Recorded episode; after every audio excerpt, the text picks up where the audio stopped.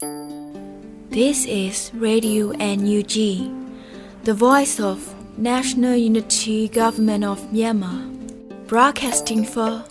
Myanmar Spring Revolution. Radio NUG is transmitting from shortwave 16 meter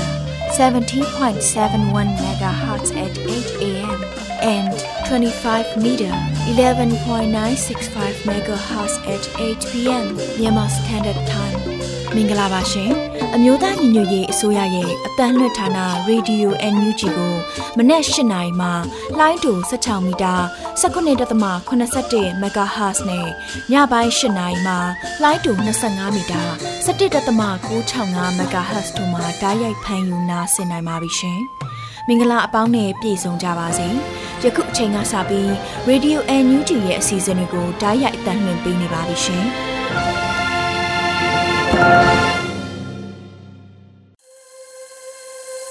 ရေဒီယိုအန်ယူဂျီကိုနားတော်တာဆင်နေတဲ့ပရိသတ်များမင်္ဂလာနေ့လည်ခင်းပါရှင်။ကျမတို့ရဲ့တိုးချက်ထုတ်လွှင့်မှုစီစဉ်ဖြစ်တဲ့နေ့လည်ခင်းစီစဉ်လေးကိုစတင်ထုတ်လွှင့်ပေးတော့မှာဖြစ်ပါတယ်။ဒီနေ့နေ့လည်ခင်းမှာတင်ဆက်ပေးဖို့ရှိနေတဲ့အကြောင်းအရာတွေကတော့ ပြည်သူတွေစိတ်ဝင်စားစေမယ့်နောက်ဆုံးရသတင်းချင်းတွေဒီရက်ပိုင်းတွင်းမှာကျွေလင်းခဲ့တဲ့အမျိုးသားဒီမိုကရေစီဖွဲ့ချုပ်ရဲ့ဆုံးရှုံးမှုကြီးတစ်ခုလို့ပြောလို့ရတယ်လို့မျိုးတော်လှန်ရေးမှာပါဝင်နေကြတဲ့ပြည်သူတွေရဲ့ဆုံးရှုံးမှုကြီးတစ်ခုဖြစ်တဲ့ဆရာကြီးမုံရအောင်ရှင်ရဲ့အထုပ်ပတိနဲ့အတူတရားတစ်နှစ်ပြည့်ចောင်းသားတပိတ်လို့ခေါ်တဲ့အမျိုးသားနေစောင်းမစီစဉ်နေတဲ့အတူတခြားစိတ်ဝင်စားဖွယ်ရာစီစဉ်တွေကိုထုတ်လွှင့်ပေးတော့မှာဖြစ်ပါတယ်။ကျမကတော့မျိုးရွှေပါပါ။ ဒီနေ့နေ့လည်ကရဲ့ပထမဆုံးစီစဉ်နေနဲ့ကိုရီးယားမလေးရှားနဲ့ထိုင်းနိုင်ငံတို့မှာစစ်ကောင်စီကခန့်အပ်ထားတဲ့အလုသမားတန်အရာရှိတွေကိုအမြင့်ပြတ်စရင်ထည့်သွင်းတဲ့တဲ့နဲ့ကရင်ပြည်နယ်အတွင်းကဖာပွန်ခရိုင်ကစစ်ပေးဒုက္ခသည်တွေကအကူအညီတွေလိုအပ်နေစေဖြစ်တယ်ဆိုတဲ့တဲ့တွေပါဝင်နောက်ဆုံးရတဲ့ချင်းတွေကိုတော့မျိုးဦးမောင်ကဖတ်ကြားပေးမှာဖြစ်ပါတယ်။ယခုတင်ဆက်ပေးမှာကတော့နိုဝင်ဘာ29ရက်နေ့ရပြည်တွင်းသတင်းများပဲဖြစ်ပါတယ်။ ကိုရီးယားမလေးရှားနဲ့ထိုင်းနိုင်ငံတို့မှအလုသမားတန်အရာရှိ၈ဦးသည်အာဏာသိမ်းစစ်တပ်၏နောက်လိုက်များဖြစ်သည့်အတွက် NUG ၏အလုသမားဝန်ကြီးဌာနကအမည်ပြတ်စရင် blacklist ထဲသွင်းပြီးဝန်ထမ်းအဖြစ်မှထုတ်ပယ်ပြီးဖြစ်ကြောင်းကြေညာခဲ့ပါတယ်။အာဏာသိမ်းစစ်ကောင်စီမှခန့်အပ်ထားသောထိုင်းနိုင်ငံကိုရီးယားသမ္မတနိုင်ငံနှင့်မလေးရှားနိုင်ငံတို့ရှိအလုသမားတန်အရာရှိများသည်အမျိုးသားညီညွတ်ရေးအစိုးရအလုသမားဝန်ကြီးဌာနမှခန့်အပ်ထားသူများမဟုတ်ဘဲ ပြည်သူကိုဖိနှိပ်ပြီးအာဏာရှင်စနစ်ကိုအသက်သွင်းနေသည့်သူများဖြစ်သည့်အတွက်၎င်းတို့အားအမည်ပြတ်စရင် blacklist ထည့်သွင်း၍ဝန်ထမ်းအဖြစ်မှထုတ်ပစ် dismiss ခဲ့ပြီးဖြစ်သဖြင့်၎င်းတို့နှင့်ပူးပေါင်းဆောင်ရွက်ခြင်းမပြုရန်အမျိုးသားညီညွတ်ရေးအစိုးရအလုံသမားဝန်ကြီးဌာနမှလေးနက်စွာတိုက်တွန်းကြောင်းအသိပေးကြေညာခဲ့ပါတယ်။အဆိုပါကြေညာချက်အမှတ်6မြင်းဆောင်2021တွင်ပါရှိချက်အပြည့်စုံမှာ COVID-19 ကြောင့်စီးပွားရေးလူမှုရေးအခက်အခဲပေါင်းစုံကြုံဆုံနေရသောပြည်တွင်းပြည်ပမှအလုပ်သမားများသည်ဒုက္ခကိုကြက်ကြက်ခံရင်တက်ဆွမ်းသမျှလူအင်အားငွေအင်အားတို့ဖြင့်အမျိုးသားညီညွတ်ရေးအစိုးရဦးဆောင်မှုအောက်တွင်အစွမ်းကုန်ကြိုးပမ်းဆောင်ရွက်နေသည်ကိုမိမိတို့အလုပ်သမားဝန်ကြီးဌာနမှလေးစားဂုဏ်ယူမှတ်တမ်းတင်ရှိပါကြောင်း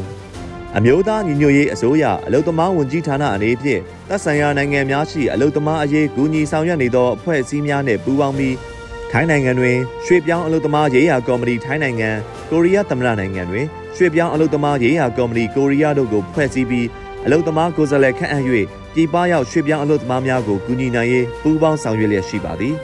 တို့အပြင်ရွှေပြောင်းအလုသမားရေးရာကော်မတီမလေးရှားကိုဖွဲ့စည်းနိုင်ရန်စီစဉ်လျက်ရှိနေကြောင်းတို့ဖြစ်၍ထိုင်းနိုင်ငံနဲ့ကိုရီးယားနိုင်ငံရှိအလုသမားများအနေဖြင့်လိုအပ်သောအကူအညီများကိုရရှိရန်ရွှေပြောင်းအလုသမားရေးရာကော်မတီထိုင်းနိုင်ငံဖုန်း 3986 938 295ခွန်399939833523ခွန်3831 638 334တို့ကိုဆက်သွယ်နိုင်ပါကြောင်းကိုရီးယားနိုင်ငံအတွက်3913 66ခွန်48 55ခွန်ကိုအဆက်အတွဲအကူအညီတောင်းခံနိုင်ကြောင်းဖော်ပြထားပါတယ်။တစ်ဖက်တွင်လည်းထိုင်း ကိုရီးယားနဲ့မလေးရှားရှိအလုသမားတန်ရာရှိများသည့်ပြည်သူအစိုးရဖြစ်သည့်အမျိုးသားညီညွတ်ရေးအစိုးရမှခန့်အပ်ထားခြင်းမဟုတ်ဘဲပြည်သူကိုဖိနှိပ်မိအာဏာရှင်ကိုအသက်သွင်းနေသူများသာဖြစ်သည့်အတွက်၎င်းတို့အားနမဲဖြတ်စရင်သွင်း၍ဝန်ထမ်းအဖြစ်မှထုတ်ပယ်ပြီးဖြစ်ကြောင်း၎င်းတို့နှင့်ပူးပေါင်းဆောင်ရွက်ခြင်းမပြုရန်လိုအပ်ကြောင်းလေးနက်စွာတိုက်တွန်းသည်ဟုအသည့်အပေးဖော်ပြထားပါတယ်ခင်ဗျာဝန်ထမ်းအဖြစ်မှထုတ်ပယ်လိုက်သောအလုသမားတန်အရာရှိများမှာဦးမြတ်စောဦးစီးအရာရှိကိုရီးယားနိုင်ငံ ဦးဝင်းမင်းစိုးလက်ထောက်ညွှန်ကြားရေးမှူးမလေးရှားနိုင်ငံဦးဖုံးထက်ဦးစီးအရာရှိမလေးရှားနိုင်ငံဦးအောင်ကိုစောဒုတိယညွှန်ကြားရေးမှူးထိုင်းနိုင်ငံဦးရဲလင်းထက်လက်ထောက်ညွှန်ကြားရေးမှူးထိုင်းနိုင်ငံဦးလင်းမြတ်ဦးစီးအရာရှိထိုင်းနိုင်ငံဦးအောင်အောင်ဦးစီးအရာရှိထိုင်းနိုင်ငံဦးပြည့်ဖြိုးအောင်ဦးစီးအရာရှိထိုင်းနိုင်ငံတို့ဖြစ်ကြပါတယ်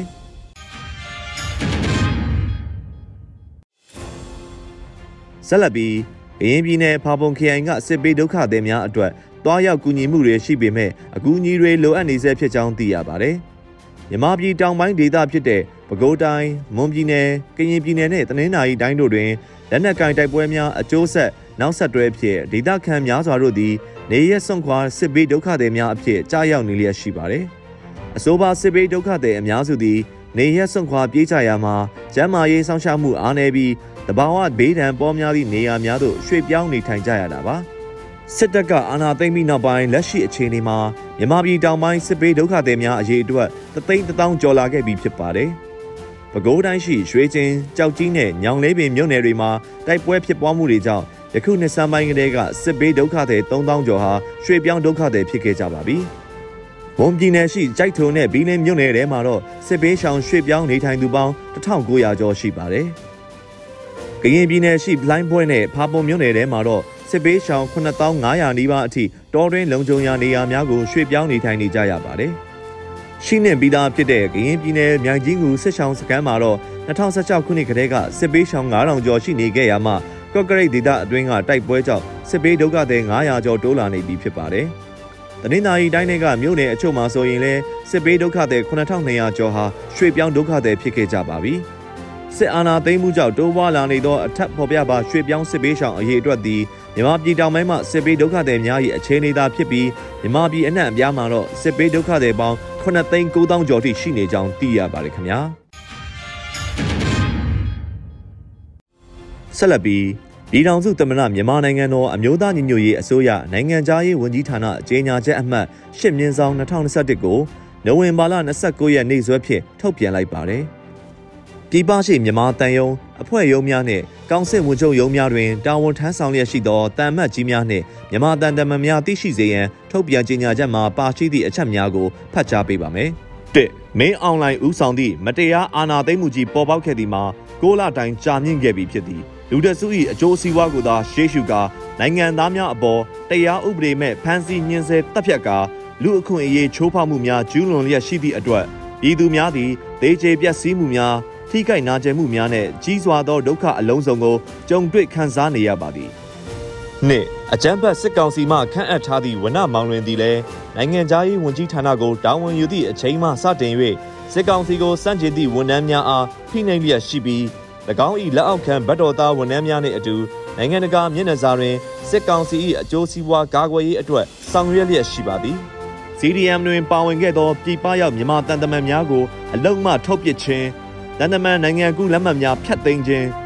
အမည်မဲစရင်သွင်းခြင်းနဲ့သတင်းထောက်လှမ်းခြင်းများကိုပြုလုပ်ခဲ့ပြီးပြည်တွင်းရှိ CDM ဝန်ထမ်းများအပေါ်တွင်လည်းဖိနှိပ်ခြင်းမတရားဖမ်းဆီးချုပ်နှောင်စေခြင်းနဲ့အချင်းကြစေခြင်းများကိုစစ်အာဏာရှင်အလို့ကျဆောင်ရွက်လျက်ရှိပါသည်။ ၃ထို့ပြင်ပြည်ပရှိမြန်မာတန်ယုံများအားစစ်ကောင်စီ၏အကျိုးစီးပွားကိုကာကွယ်ရန်အတွက်တရင်အချက်လက်အမှားများကိုသက်ဆိုင်ရာအင်ရှင်နိုင်ငံအစိုးရများထံသို့ဝါဒဖြန့်ချီပေးရန်ညွှန်ကြားစေခိုင်းလျက်ရှိပါသည်။ပြည်ပရှိမြန်မာတန်ယုံများ၏နိုင်ငံကူးလက်မှတ်ထုတ်ပေးသည့်လုပ်ငန်းစဉ်များအပေါ်တရားဥပဒေနှင့်ကိုက်ညီခြင်းမရှိသောအမိန့်နှင့်ညွှန်ကြားချက်များချမှတ်ခြင်းအမည်ပြစည်ရင်များသွင်းစေခြင်းနှင့်ပြည်ပရောက်မြန်မာနိုင်ငံသားများ၏အကျိုးစီးပွားကိုကာကွယ်စောင့်ရှောက်မှုမရှိဘဲ စစ်ကောင်စီ၏အကျိုးစီးပွားအတွက်သာရှေးရှုဆောင်ရွက်ရန်စိတ်ခိုင်းညွှန်ကြားမှုများကြောင့်ပြည်ပရောက်မြန်မာနိုင်ငံသားများအားလုံးအခက်အခဲများရင်ဆိုင်နေကြရသည်၄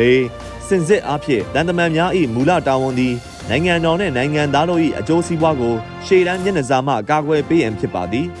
စစ်အာဏာရှင်အားကာကွယ်ပေးရန်လုံးဝမဟုတ်ပါတရားမဝင်အာဏာလုယူထားသည့်အကြမ်းဖက်စစ်ကောင်စီ၏တရားမဲ့လုပ်ရများသည်နိုင်ငံတော်၏ဂုဏ်သိက္ခာကိုညှိုးနွမ်းစေပြီး နိုင်ငံအတွင်းရှိပြည်သူပြည်သားများ၏အသက်အိုးအိမ်စည်းစိမ်များနှင့်လူမှုစီးပွားဘဝများကိုပါပျက်စီးဆုပ်ယုပ်စေလျက်ရှိကြောင်းထင်ရှားစွာတွေ့မြင်နေရသည်ငါစစ်ကောင်စီသည်အပြည်ပြည်ဆိုင်ရာဥပဒေများနဲ့ပြည်တွင်းရှိတည်ဆဲဥပဒေများကိုချိုးပေါက်ခါကြီးလေးသောပြစ်မှုများကိုကျူးလွန်လျက်မြမပြည်သူပြည်သားများ၏အသက်အိုးအိမ်စည်းစိမ်များကိုဖျက်ဆီးနေပါသည်နိုင်ငံတကာမျက်နှာစာတွင်မြန်မာနိုင်ငံကစောင့်ထိန်လိုက်နာခဲ့သောဂတိကဝတ်များကိုလေးစားလိုက်နာနိုင်ခြင်းမရှိသည့်အတွက်ကမ္ဘာနိုင်ငံများအနေဖြင့် စစ်ကောင်စီကိုအစိုးရတရက်အဖြစ်အတိမတ်ပြုဆက်ဆံရန်ဆန္ဒမရှိသည်ကိုသိတာထင်ရှားစွာတွေ့မြင်နေရပြီဖြစ်ပါသည်6ထို့ကြောင့်အမျိုးသားညီညွတ်ရေးအစိုးရသည်ပြည်သူများ၏လက်ဝယ်သို့နိုင်ငံတော်အာဏာမူလအတိုင်းပြန်လည်ရောက်ရှိသည့်အခါ၌စစ်ကောင်စီမှခန့်အပ်ထားသည့်ဝနမောင်းလွင်အပါအဝင်စစ်ကောင်စီမှတိုးမြင့်ပေးထားသည့်ယာဒူးများနှင့်အခွင့်အရေးများကိုရယူလျက်စစ်အာဏာရှင်တောက်တိုင်ဝန်ထမ်းများနှင့် CDM များကိုဖိနှိပ်နေသည့်စစ်ကောင်စီလက်အောက်ခံဝန်ထမ်းများအနေဖြင့် မတရားလုပ်ရများကိုရပ်တန်းကရက်ရမည်ဖြစ်သည်၎င်းတို့ကိုပြည်သူအပေါ်တစ္ဆာဖောက်ပြမှုဖြင့်ကြီးလေးသောပြစ်ဒဏ်များချမှတ်အရေးယူသွားရန်စီစဉ်ထားပြီးဖြစ်ပါသည်ခုနှစ်တို့ဖြစ်ပါ၍ပြည်ပရောက်မြန်မာတန်တမန်များအနေဖြင့်နိုင်ငံတကာမျက်နှာစာတွင်စစ်အာဏာရှင်၏အကျိုးစီးပွားကိုကာကွယ်မြင့်တင်နေကြသည့်တန်တမန်များအဖြစ်မှရုံထွက်ကြပါမိမိတို့၏နိုင်ငံတော်နှင့်အနာဂတ်မျိုးဆက်သစ်များ၏ရှေ့ရေးကိုလေးနက်စွာရှေ့ရှုလျက်အကြမ်းဖက်စစ်ကောင်စီကိုကိုစားမပြုဘဲပြည်သူများနှင့်အတူရပ်တည်ကြပါ ပြည်သူသားအဓိကပြည်သူနှင့်အတူဟူသောစကားလုံးများကိုစာရွက်ပေါ်တွင်မထားကြဘဲလက်တွေ့ဖော်ဆောင်ပြသကြပါနိုင်ငံနှင့်ပြည်သူများအတွက်တန်တမန်ကောင်းပြည်သားစွာဓမ္မဘတ်သို့အချိန်မီကူးပြောင်းပူးပေါင်း၍စစ်အာဏာရှင်စနစ်အမြန်ဆုံးအဆုံးသတ်ရေးဆောင်ရွက်ကြရန်နောက်ဆုံးအချိန်အဖြစ်သတိပေးအပ်ပါသည်ရှစ်ပြည်သူနှင့်အတူရက်တည်သည့်မြန်မာတန်တမန်များကိုအမျိုးသားစီးလုံးညီညွတ်ရေးအစိုးရအနေဖြင့်အစဉ်လက်ကမ်းကြိုနေမည်ဖြစ်ပါကြောင်းနှင့် ပြည်ပရောက်မြန်မာတန်တမန်များအနေဖြင့်အမျိုးသားစီးလုံးညီညွတ်ရေးအစိုးရနိုင်ငံသားရေးဝန်ကြီးဌာနတို့၎င်းနယူးယောက်မြို့ရှိကုလသမဂ္ဂဆိုင်ရာမြန်မာအမြဲတမ်းကိုယ်စားလှယ်အဖွဲ့ရုံးဩစတြေးလျတောင်ကိုရီးယားချက်သမရနိုင်ငံ UK နိုင်ငံတို့ရှိအမျိုးသားစည်းလုံးညီညွတ်ရေးအစိုးရကိုယ်စားလှယ်ရုံးများတို့လည်းဆက်သွယ်နိုင်ပါကြောင်းဖော်ပြအပ်ပါသည်ဟုအမျိုးသားညီညွတ်ရေးအစိုးရနိုင်ငံသားရေးဝန်ကြီးဌာနကြေညာချက်အမှတ်10မြင်းဆောင်2021မှာဖော်ပြပါရှိခဲ့ပါတယ်ခင်ဗျာ ယခုတက်ဆက်ပေးခဲ့တာကတော့နိုဝင်ဘာ29ရက်နေ့ရပြည်တွင်သတင်းများပဲဖြစ်ပါတယ်ကျွန်တော်ကတော့ຫນွေဦးမောင်ပါ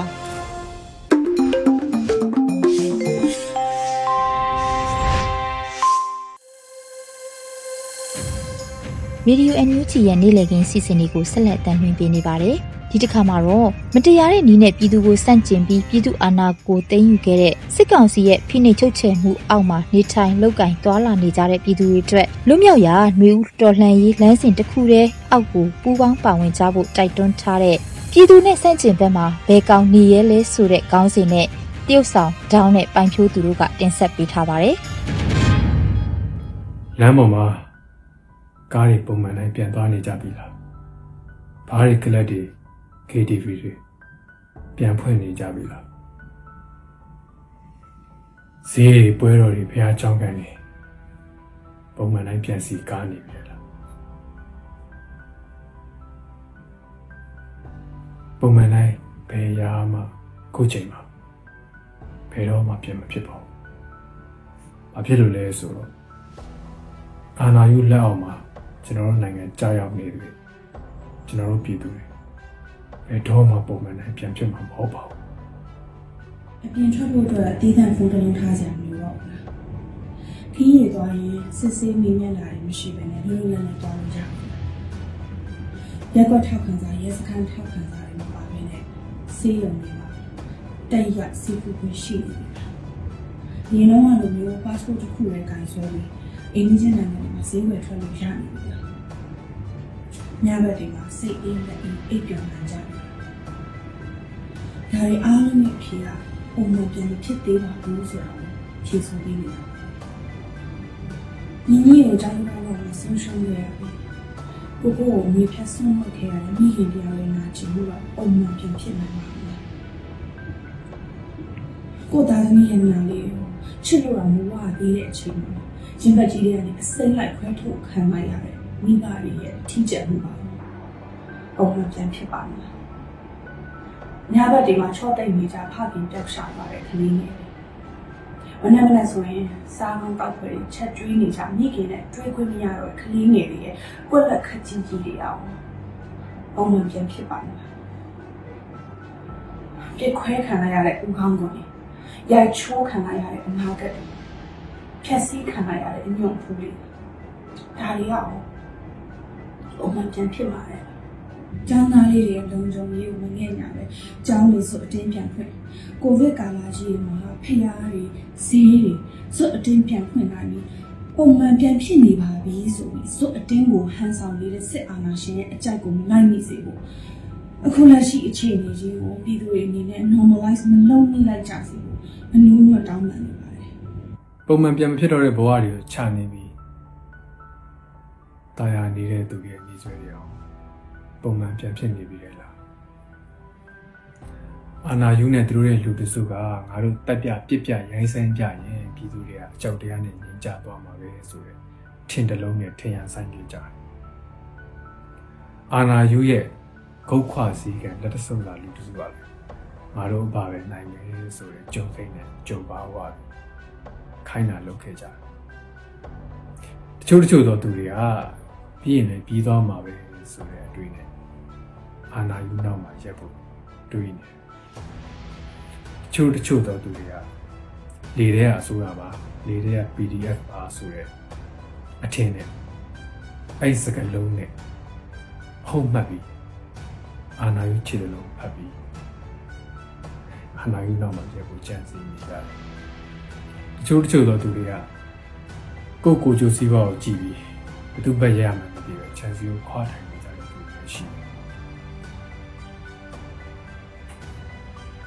အားလုံးတရားစဉ်းစားပါ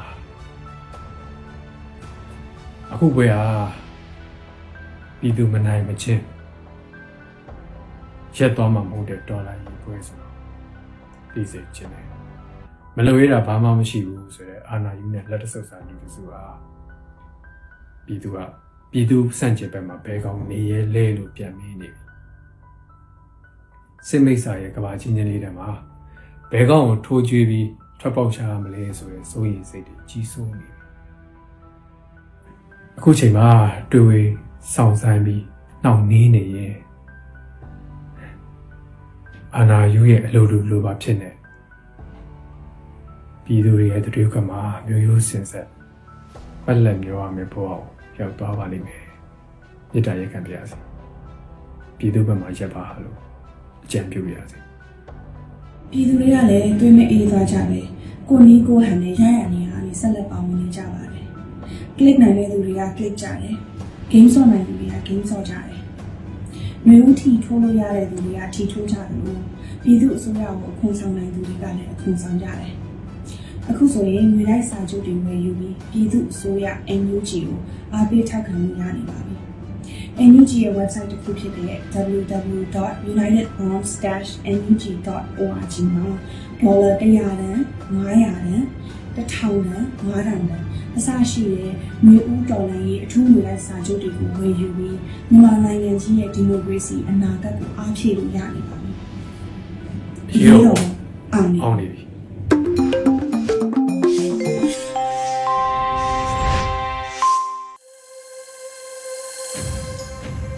ဒီတစ်ခါမှာတော့မုံရအောင်ရှင်လို့လူတီများတဲ့ဦးအေးကျူဟာစာပေသမားဘဝမှာကြပြာနဲ့စောင်းပါဘာသာပြန်တွေကိုရေးသားခဲ့တယ်လို့နိုင်ငံရေးသမားဘဝကိုရောက်တဲ့အခါမှာလဲ NLD ပါတီရဲ့အားထားရာပုဂ္ဂိုလ်ကြီးတူဖြစ်လာပါတယ်။ပါတီရဲ့တည်င်းစာပညာနဲ့နိုင်ငံရေးဆိုင်ရာဗဟုသုတတွေကိုမျှဝေပေးနေတဲ့ပါတီသူရဲကောင်းကြီးလို့လဲတင်စားခေါ်လို့ရပါတယ်။ကျမတို့အားလုံးအတွက်တန်ဖိုးမဖြတ်နိုင်တဲ့ဆရာကြီးမုံရအောင်ရှင်ဟာ နိုဝင်ဘာလ28ရက်နေ့မှာတော့ပွဲလွန်သွားခဲ့ပါတယ်။ဒါကြောင့်သူ့ရဲ့အထုပ်ပတိနဲ့ပတ်သက်ပြီးတော့ဖုံးမြက်နေဦးကအခုလိုဖတ်ကြားပေးထားပါတယ်။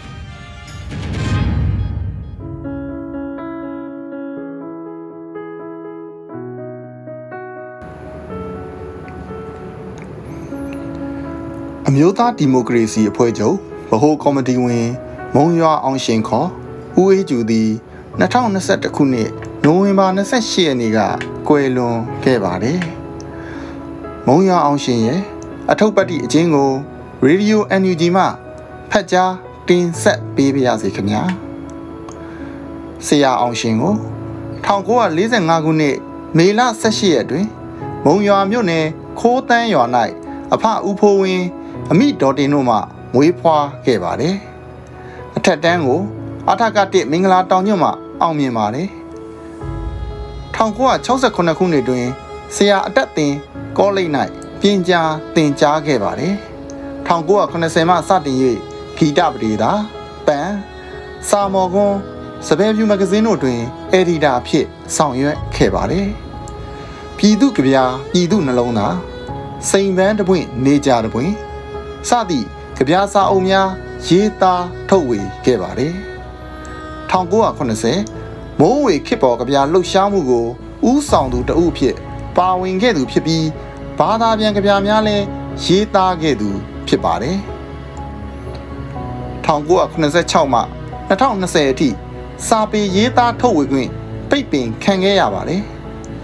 ရန်ကုန်ခရိုင်ကျောင်းသားသမဂ္ဂလှုပ်ရှားမှု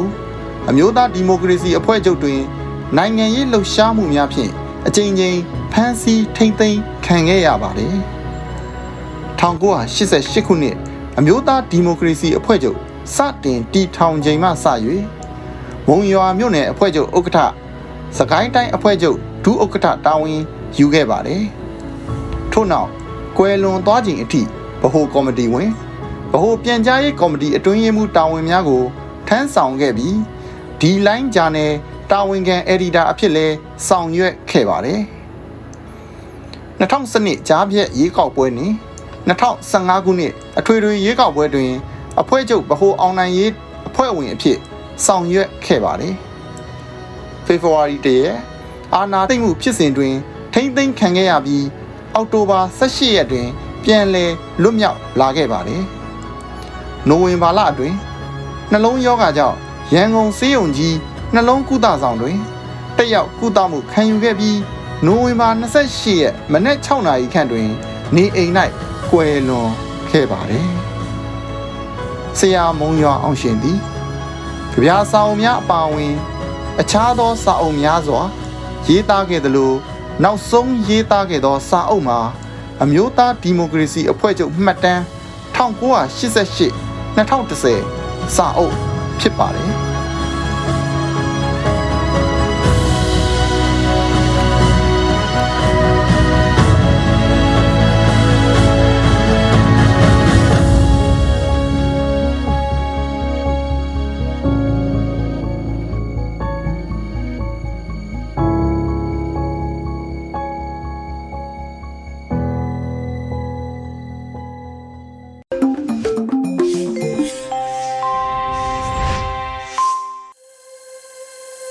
ဆက်လက်ပြီးတော့မြန်မာနိုင်ငံတဝန်းမှာရှိကြတဲ့ပြည်သူတွေအနေနဲ့ဗေယလုပ်ငန်းကိုလုပ်ကင်နေတဲ့ပြည်သူတွေရှိသလိုရေလုပ်ငန်းကိုလုပ်ကင်နေကြတဲ့ရေလုပ်သားတွေလည်းရှိပါတယ်။တနိုင်ငံလုံးမှာရှိတဲ့ပြည်သူတွေအနေနဲ့မိုးကုံလို့စောင်းကူမှာမိမိတို့လုပ်ငန်းခွင်အတွက်ကြိုတင်ပြင်ဆင်စရာရှိတဲ့မိုးလေဝသခံမှန်းချက်တွေနဲ့ပတ်သက်ပြီးတော့ရက်သက်တစ်ပတ်မိုးလေဝသအခြေအနေတွေကိုတင်ဆက်ပြီးတော့မှာဖြစ်ပါတယ်ရှင်။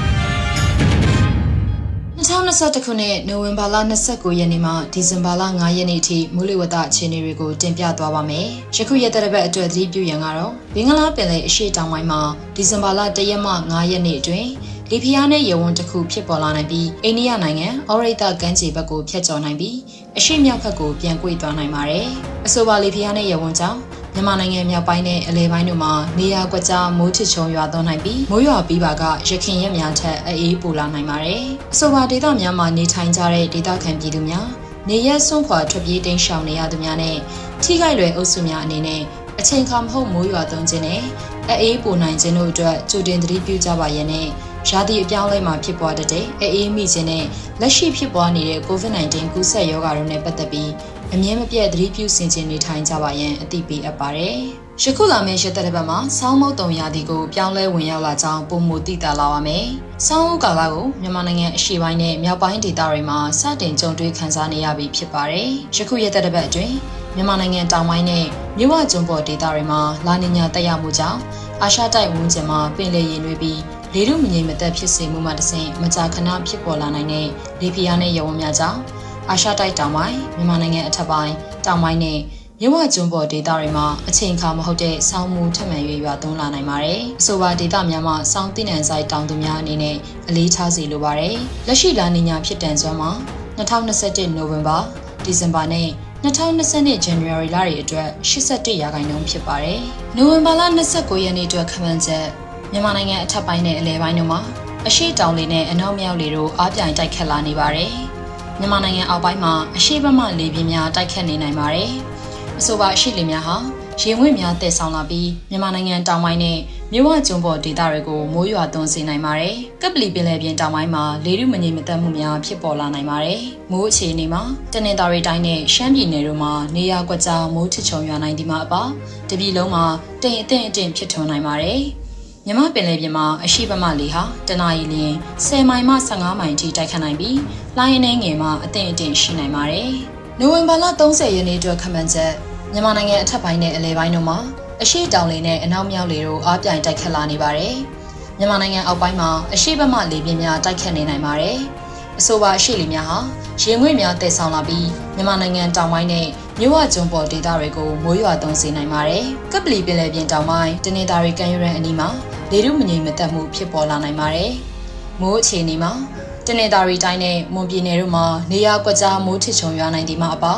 တပြည်လုံးမှာတိမ်အထင်အထင်ဖြစ်ထွန်းနိုင်ပါတယ်။မြမပင်လယ်ပြင်မှာအရှိပမလီဟာတနအီလ10မိုင်မှ15မိုင်ထိတိုက်ခတ်နိုင်ပြီး လှိုင်းအနေငယ်မှာအထင်အထင်ရှိနိုင်ပါတယ်။ဒီဇင်ဘာလ၁ရက်နေ့အတွက်ခန့်မှန်းချက်မြန်မာနိုင်ငံအထက်ပိုင်းနဲ့အလယ်ပိုင်းတို့မှာအရှိတောင်တွေတို့အားကောင်းစွာတိုက်ခတ်လာနေပါတယ်။မြန်မာနိုင်ငံအောက်ပိုင်းမှာအရှိဘက်မှလေပြင်းများတိုက်ခတ်နေနိုင်ပါတယ်။အဆိုပါအရှိလေများဟာရေငွေ့များတည်ဆောင်လာပြီးမြန်မာနိုင်ငံတောင်ပိုင်းနဲ့မြဝကျွန်းပေါ်ဒေသတွေကိုမိုးရွာစေနိုင်ပါတယ်။ကပ်ပလီပင်လယ်ပြင်တောင်ပိုင်းတနင်္သာရီကမ်းရိုးတန်းအနီးမှာလေဖိအားနဲ့ရေဝန်းတစ်ခုဖြစ်ပေါ်လာနိုင်ပါတယ်။ မိုးအခြေအနေမှာတနင်္သာရီတိုင်းမွန်ပြည်နယ်နဲ့ AR တိုင်းတို့မှာနေရာကွက်ကြားမိုးထချုံရွာနိုင်ပြီးတပြည်လုံးမှာတိမ်အထင်အထင်ဖြစ်ထွန်းနိုင်ပါတယ်။တနင်္သာရီတိုင်းကော့တောင်းခရိုင်မှာနေရာကွက်၍မိုးကြီးနိုင်ပါတယ်။မြမပင်လယ်ပြင်မှာအရှိဘက်မှလေဟာတနအီလရင်10မိုင်မှ15မိုင်ထိတိုက်ခတ်နိုင်ပြီးလိုင်းအနေငယ်မှာအထင်အထင်ရှိနိုင်ပါတယ်။ဒီဇင်ဘာလ2ရက်နေ့အတွက်ခန့်မှန်းချက်မြန်မာတောင်နိုင်ငံလုံးတွင်အရှိပမလေပြင်းများတိုက်ခတ်နေနိုင်ပါတယ်။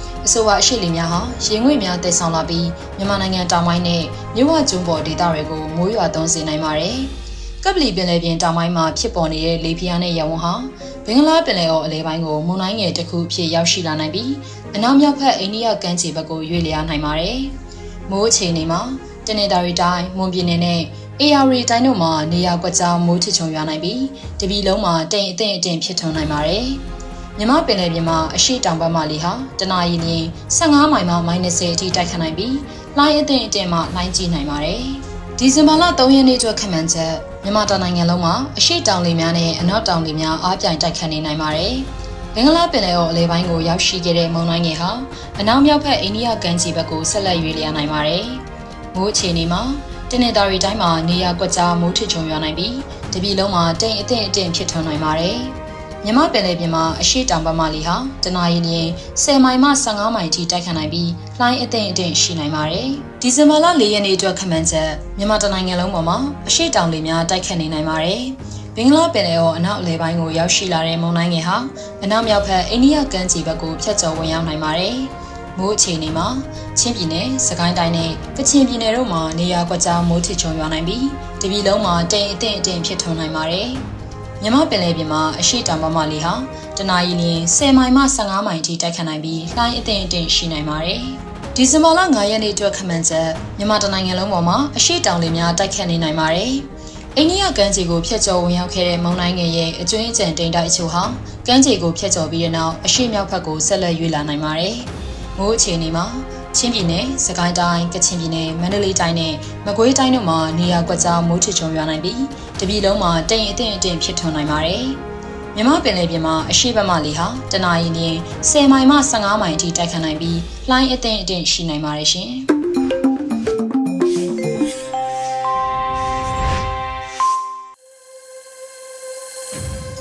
နေ့နေ့လည်ခင်းရဲ့နောက်ဆုံးစီစဉ်ကိုတော့တရားတစ်နှစ်ပြည့်ចောင်းသားတပိတ်လို့လည်းခေါ်တဲ့အမျိုးသားနေ့စောင်းပါးနဲ့တင်ဆက်ပေးခြင်းပါတယ်။ဗီရှက်နယ်ချက်အစိုးရရဲ့ရေးဆွဲထားတဲ့တက္ကသိုလ်အဥပဒေကိုမကျေနပ်လို့တပိတ်မှောက်ခဲ့တာကစပြီးတော့အဲ့ဒီတပိတ်ဟာတနိုင်ငံလုံးမှာရှိတဲ့ကျောင်းတွေကိုကူးဆက်ပြန့်နှံ့သွားတယ်လို့နောက်ဆုံးမှာတော့အမျိုးသားကျောင်းတွေပေါ်ပေါက်လာတဲ့အထိတပိတ်မှောက်ခဲ့ကြတာပါ။ဒီလိုတပိတ်စတင်ခဲ့တဲ့တစောင်းမုံလာပြည့်ကျော်10ရက်နေ့ကိုအမျိုးသားအောင်ပွဲနေ့လို့သတ်မှတ်ခဲ့တာဟာဆိုရင် ဒီနှစ်2021ခုနှစ်မှာတော့တရားတစ်နှစ်ပြည့်မြောက်ခဲ့ပြီဖြစ်ပါတယ်။ဒါကြောင့်ခေတ်အဆက်ဆက်တပိတ်တွေကိုဆင်နွှဲခဲ့တဲ့တော်လှန်ခဲ့တဲ့ចောင်းသားចောင်းသူတွေရဲ့တပိတ်အမျိုးမျိုးနဲ့ပတ်သက်ပြီးတော့ဒီနေ့ရဲ့စောင်းပါးလေးမှာတော့ဟင်းကူကူကဆက်လက်ဖတ်ကြားတင်ပြပေးမှာဖြစ်ပါတယ်ရှင်။ခုဆက်လက်ပြီးဝမ်ခမီဒီယာကတင်ဆက်ထားတဲ့တရားတစ်နှစ်ပြည့်ပထမចောင်းသားတပိတ်ခေါ်မျိုးသားနေ့ဆိုတဲ့စောင်းပါးကိုတင်ဆက်ပေးချင်ပါတယ်။ကျွန်တော်ဟင်းကူကူပါ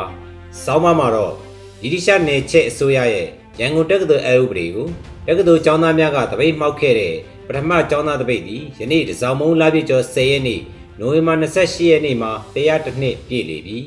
ပထမကျောင်းသားတပိတ်သည်ရန်ကုန်တက္ကသိုလ်နဲ့အတူပေါ်ပေါက်လာခဲ့သည်ဖြစ်ရာမြကျွန်းညွညူအမိတက္ကသိုလ်သည်လည်းလာမယ့်ဒီဇင်ဘာ1ရက်နေ့မှာတရားတစ်နှစ်ပြည့်ပြီဖြစ်သည်နေချက်စံကြေးကာလမှာအမျိုးသားနေ့လို့သတ်မှတ်ခဲ့တဲ့ပထမကျောင်းသားတပိတ်သည် ဗမာပြည်ကျောင်းသားလှုပ်ရှားမှုတမိုင်းအစကနဦးပင်သည်1889ခုနှစ်မှာရန်ကုန်ကောလိပ်1894ခုနှစ်မှာယူဒတန်ကောလိပ်ကိုလက်ရှိရန်ကုန်တက္ကသိုလ်နေရာမှာအင်္ဂလိပ်အစိုးရကဖွင့်လှစ်ခဲ့ပြီးဘလက်ကတားတက္ကသိုလ်ရဲ့လက်အောက်ခံကောလိပ်များဖြစ်ခြားခဲ့ပါတယ်1918ခုနှစ်ထိမြန်မာနိုင်ငံမှာတက္ကသိုလ်လို့မရှိသေးပဲပြည်သူတရလုံးကရန်ကုန်မှာတက္ကသိုလ်ဖွင့်ပေးရန်အထက်ထက်တောင်းဆိုသောအခါမှာ အင်္ဂလိပ်လူမျိုးပညာမင်းကြီးမဟန်တာကိုဥက္ကဋ္ဌနေရာထားကအဖွဲ့ဝင်30ခန့်ပါတဲ့ဥပဒေပြုကောင်စီကိုဖွဲ့စည်းပြီးတက္ကသိုလ်အဥပဒေကိုရေးဆွဲရန်အင်္ဂလိပ်အစိုးရကပြင်ဆင်သည်ကောင်စီမှာမြန်မာ6ဦးသာပါပြီးတိုင်းရင်းသားများကရွေးကောက်တင်မြှောက်ထားတဲ့ဥပဒေပြုအမတ်များနဲ့ရေးဆွဲရန်ဥပဒေပြုလွှတ်တော်ဖွဲ့စည်းပြီးသည့်အထိစိုင်းငံ့ထားရန်ပြည်သူများကတောင်းဆိုခဲ့ကြတော့လဲအင်္ဂလိပ်အစိုးရကတစွတ်ထိုးရေးဆွဲခဲ့ပါတယ်။ အစိုးရကောင်စီကရေးဆွဲတဲ့တက္ကသိုလ်အဥပဒေသည်ကန့်သက်ချုပ်ချယ်မှုများစွာပါဝင်နေပါတယ်။ဥပမာအားဖြင့်ဗမာပြည်မှာတက္ကသိုလ်တစ်ခုသာရှိရမယ်။တက္ကသိုလ်ရဲ့လက်အောက်မှာလည်းကောလိပ်ကျောင်းတစ်ကျောင်းသာရှိရမယ်။ကောလိပ်ကျောင်းမှာပညာသင်ကြားလိုသူများကကျောင်းအိကျောင်းသားသာဖြစ်ရမယ်။တက္ကသိုလ်ဝင်စာမေးပွဲမထားရှိတော့ဘဲအစိုးရကပြုလုပ်တဲ့ High School Final ခေါ်10တန်းစာမေးပွဲအောင်ရမယ်။အင်္ဂလိပ်ဘာသာနဲ့အခြားဘာသာတစ်ခုခုမှာထူးကျော်စွာတက်မြောက်မှတက္ကသိုလ်ဝင်ခွင့်ရမယ်။ ဂုံတူးနဲ့ဝိဇာတန်းပွဲတန်းတွင်လည်းတစ်ချိန်တည်းမအောင်မြင်ပါကနောက်နောက်ဖြစ်ဆိုခွင့်မပြုစသဖြင့်အမျိုးမျိုးဖိနှိပ်ထားသောအချက်များပါဝင်နေပါတယ်။ဒီနည်းအားဖြင့်ဆိုတော့အင်္ဂလိပ်ဆိုရကပြဋ္ဌာန်းတဲ့တက္ကသိုလ်အဥပဒေကရန်ကုန်တက္ကသိုလ်အတွက်ဆိုတော့လဲဗမာပြည်ရောက်မျက်နှာဖြူများနဲ့၎င်းတို့၏အလိုတော်ကြီးများအတွက်သာရည်ရွယ်ပြီးတိုင်းသူပြည်သားများအားနိုင်ထက်စီးနှင်းပြုတဲ့အဥပဒေပဲဖြစ်ပါတယ်။ ကျောင်းသားများကန့်ကွက်နေလျက်ကပင်ဒီဇင်ဘာ၁ရက်နေ့မှာအဆိုပါအဥပဒေကိုအတည်ပြုကြောင်းကြေညာခဲ့ပါတယ်။ထို့ကြောင့်တက္ကသိုလ်ကျောင်းသားများကတိုင်ပင်ဆွေးနွေးပြီး1920ပြည့်နှစ်ဒီဇင်ဘာလ9ရက်နေ့မှာတပိတ်မှောက်ရန်စီစဉ်ကြပါတယ်။သို့သောအင်္ဂလိပ်ဆိုရဘက်ကအစီအစဉ်ကိုရိပ်မိသွားသောကြောင့်9ရက်နေ့ထိမဆောင်ဆိုင်တော့ဘဲ1920ခုနှစ်ဒီဇင်ဘာလ9ရက်ကော 1282ခုနှစ်ဇောင်မုံလာပြကျော်10ရက်နေ့မှာရန်ကုန်ကောလိပ်နဲ့ယူဒတန်ကောလိပ်မှကျောင်းသားများသည်၎င်းဥပဒေနှင့်၎င်းဥပဒေအရဖွင့်လှစ်မဲ့တက္ကသိုလ်ကိုစတင်တပိတ်မှောက်လိုက်ကြပါတယ်။ဤဒီမှာနေချေဆိုရကိုပေါ်ပေါ်တင်တင်တော်လှန်ခဲ့တဲ့ပထမဆုံးကျောင်းသားတပိတ်ဖြစ်ပါတယ်။ထို့တပိတ်သည်နိုင်ငံလုံးရှိကျောင်းများသို့ကူးဆက်ပြန့်နှံ့သွားခဲ့ပါတယ်။ University အဥပဒေကိုပြင်ဆင်ပေးရတောင်းဆိုကြတော့လဲမရရှိခဲ့ပါ။ 1920ခုဒီဇင်ဘာလ29ရက်နေ့ GCBA တင်းကျုပ်ကြီးအစည်းအဝေးမှာဗမာနိုင်ငံရရ၌မြို့သားကျောင်းများတီထောင်ဖွင့်လှစ်ရန်ရန်ကုန်မြို့၌မြို့သားတက္ကသိုလ်ကျောင်းကြီးတစ်ကျောင်းတီထောင်ဖွင့်လှစ်ရန်တင်းကျုပ်ကြီးနှင့်ဆက်နွယ်ထားသောအသင်းခွဲများကတီထောင်ထားတဲ့စာတင်ကျောင်းများကိုလည်းမြို့သားကျောင်းများဖြင့်ပြောင်းလဲရန်မြို့သားကျောင်းများစုပေါင်းအုပ်ချုပ်ရန်လိုအပ်သောစီစဉ်ညွှန်ကြားချက်စသည်တို့ကိုပြုလုပ်နိုင်ရန် မျိုးသားပညာရေးအဖွဲ့ဖွဲ့စည်းရန်စသည်တို့ကိုဆုံးဖြတ်ခဲ့ကြပါတယ်။သို့ဖြင့်မျိုးသားကျောင်းများပေါ်ပေါက်လာခဲ့ပါတယ်။ GCBA နဝမအကြိမ်မြောက်ကွန်ဖရင့်ကြီးကကောလိပ်ကျောင်းသားများစတင်တပိတ်မှောက်သောဇောင်မုံလာပြည့်ကျော်10ရက်နေ့ကိုမျိုးသားအောင်ပွဲနေ့ဖြစ်သတ်မှတ်လိုက်ပါတယ်။ပထမကျောင်းသားတပိတ်သည်ကျောင်းသားနိုင်ငံရေးစတင်တရေတည်ခဲ့တဲ့လှုပ်ရှားမှုလို့ဆိုရင်လည်းမမှားပါ။ပထမကျောင်းသားတပိတ်ပြီးနောက် ကျောင်းသားလှုပ်ရှားမှုများသည်လည်းနယ်ချက်ဆက်ကြည်ရေးနှင့်လွတ်လပ်ရေးကြိုးပမ်းမှုအသွင်ကိုဆောင်လာခဲ့ပါတယ်။ဖက်စစ်ဝင်လာသောအခါမှာကျောင်းသားများသည်ဖက်စစ်တိုက်ဖြတ်ရေးအလံအောက်သို့ဝင်ကလက်နက်ကင်တော်လှန်ခဲ့ကြပါတယ်။လွတ်လပ်ရေးရပြီးခေတ်ဖဆပလအစိုးရလက်ထက်မှာလည်းမတရားမှုများကိုဆက်လက်ဆန့်ကျင်ခဲ့ကြပါတယ်။1962ခုနှစ်ဗိုလ်နေဝင်းစစ်အာဏာသိမ်းသောအခါမှာလည်းကျောင်းသားများကစန့်ကျင်ဆန္ဒပြသောကြောင့် ကျောင်းသားပေါင်းရာကျော်ကြဆုံးခဲ့ရတဲ့7ဇူလိုင်ရေးတော်ပုံဖြစ်ပွားခဲ့ပါတယ်။1969ကျွန်းဆွယ်အရေးခင်း1980ရန်ကုန်တက္ကသိုလ်ရွှေရတုသပင်ကျောင်းသားလှုပ်ရှားမှု1984ဦးသက်အရေးခင်း1985ရွှေတကုအထွေထွေသပိတ်ချင်းကျောင်းသားခေါင်းဆောင်တူဖြစ်တဲ့စလိုက်တမောင်ဦးဖန်းခံရတဲ့1986ခုမိုင်းရပြည့်အရေးခင်း1989 ခုနှစ်လေးလုံး7 July ចောင်းသားလှုပ်ရှားမှုစားတဲ့ចောင်းသားလှုပ်ရှားမှုများဇက်တိုက်ပေါ်ပေါက်ခဲ့ပါတယ်ထိုចောင်းသားလှုပ်ရှားမှုများသည်ဆီယနာရှင်စနစ်ရဲ့ရက်ဆက်ရုပ်မာမှုများကိုစန့်ကျင်တဲ့ចောင်းသားလှုပ်ရှားမှုများဖြစ်ပါတယ်1988မက်လာမှာဖုံးမော်ရေးခင်းတရားနီရေးခင်းခေါ်အင်းရကံမောင်ရေးခင်းတို့ပေါ်ပေါက်ခဲ့ပါတယ်ရှစ်လေးလုံးလူလူလှုပ်ရှားမှုကြီးမှာចောင်းသားများသည်တတတအားပါဝင်ခဲ့ကြပြီးစစ်အာဏာရှင်စနစ်ကိုစန့်ကျင်ခဲ့ကြပါတယ်90ရွေးကောက်ပွဲပြက်ပြီး နဝတနာဖလက်ထက်မှာចောင်းသားများပြသည်လက်နက်ဆွဲကပ်၍စစ်အာဏာရှင်စနစ်ကိုဆက်လက်စန့်ကျင်ခဲ့ကြပါတယ်2009ရွှေဝါရောင်ရေးခင်းမှာចောင်းသားများပါဝင်ခဲ့ကြပါတယ်2014 2015မှာမြို့သားပညာရေးဥပဒေမူကြမ်းကိုစန့်ကျင်ကန့်ကွက်တဲ့ဒီမိုကရေစီပညာရေးတပိတ်ပေါ်ပေါက်ခဲ့ပါတယ်။ယခုဆီယနာရှင်တော်လှန်ရေးကာလမှာလည်းကျွန်ုပ်တို့ចောင်းသားများသည်ကြာရတာဝန်ကိုကြေပွန်စွာထမ်းဆောင်ကြရပါမယ်။ နောင်တော်ចောင်းသားကြီးများလက်ဆင့်ကမ်းခဲ့တဲ့တမိုင်းတာဝန်ကိုဆက်လက်ထမ်းရွယ်ကြရပါမယ်။တော်လှန်ရေးမိဘွားဆက်လက်တောက်လောင်နေစေရန်စစ်ကောင်စီကဖွင့်လှစ်တဲ့ကျောင်းများကိုတပိတ်မှောက်ရပါမယ်။တော်လှန်ရေးအရှိန်ဟုန်ကိုရရနီးနဲ့ညှစ်တင်ကြရပါမယ်။ចောင်းသားရဲဘော်အပေါင်းတို့ငါတို့ဤလက်ရုံးဖြင့်နှောင်ချိုးများကိုချိုးဖြတ်ပါအံ့ငါတို့ဤသွေးစည်းညီညွတ်မှုဖြင့်ဖက်စစ်စစ်ဘလူးတွေကိုအပီးတိုင်မောင်းထုတ်ပါအံ့ လို့ရေးသားထားပါတယ်ခင်ဗျာ ဒီကနေ့ကတော့ဒီညနေပဲ Radio NUG ရဲ့အစီအစဉ်တွေကိုခေတ္တရနာလိုက်ပါမယ်ရှင်မြန်မာစံတော်ချိန်မနေ့၈နာရီနဲ့ညနေ၈နာရီအချိန်တွေမှာပြန်လည်ဆုံတွေ့ကြပါလို့ရှင် Radio NUG ကိုမနေ့၈နာရီမှာလိုင်းတူ16မီတာ19.81 MHz နဲ့ညပိုင်း၈နာရီမှာလိုင်းတူ25မီတာ17.665 MHz တို့မှာဓာတ်ရိုက်ဖမ်းယူနာဆင်နိုင်ပါပြီရှင်။ မြန်မာနိုင်ငံသူနိုင်ငံသားများကိုစိတ်နှဖျားစမ်းမချမ်းသာပြီးဘေးကင်းလုံခြုံကြပါစေလို့ Radio NUG အဖွဲ့သူဖွဲ့သားများကဆုတောင်းလိုက်ရပါတယ်ရှင်။ San Francisco Bay Area အခြေဆိုင်မြန်မာမိသားစုများနဲ့နိုင်ငံတကာကစေတနာရှင်များလှူအားပေးကြရဲ့ Radio NUG ဖြစ်ပါတယ်ရှင်။အရေးတော်ပုံအောင်ရမည်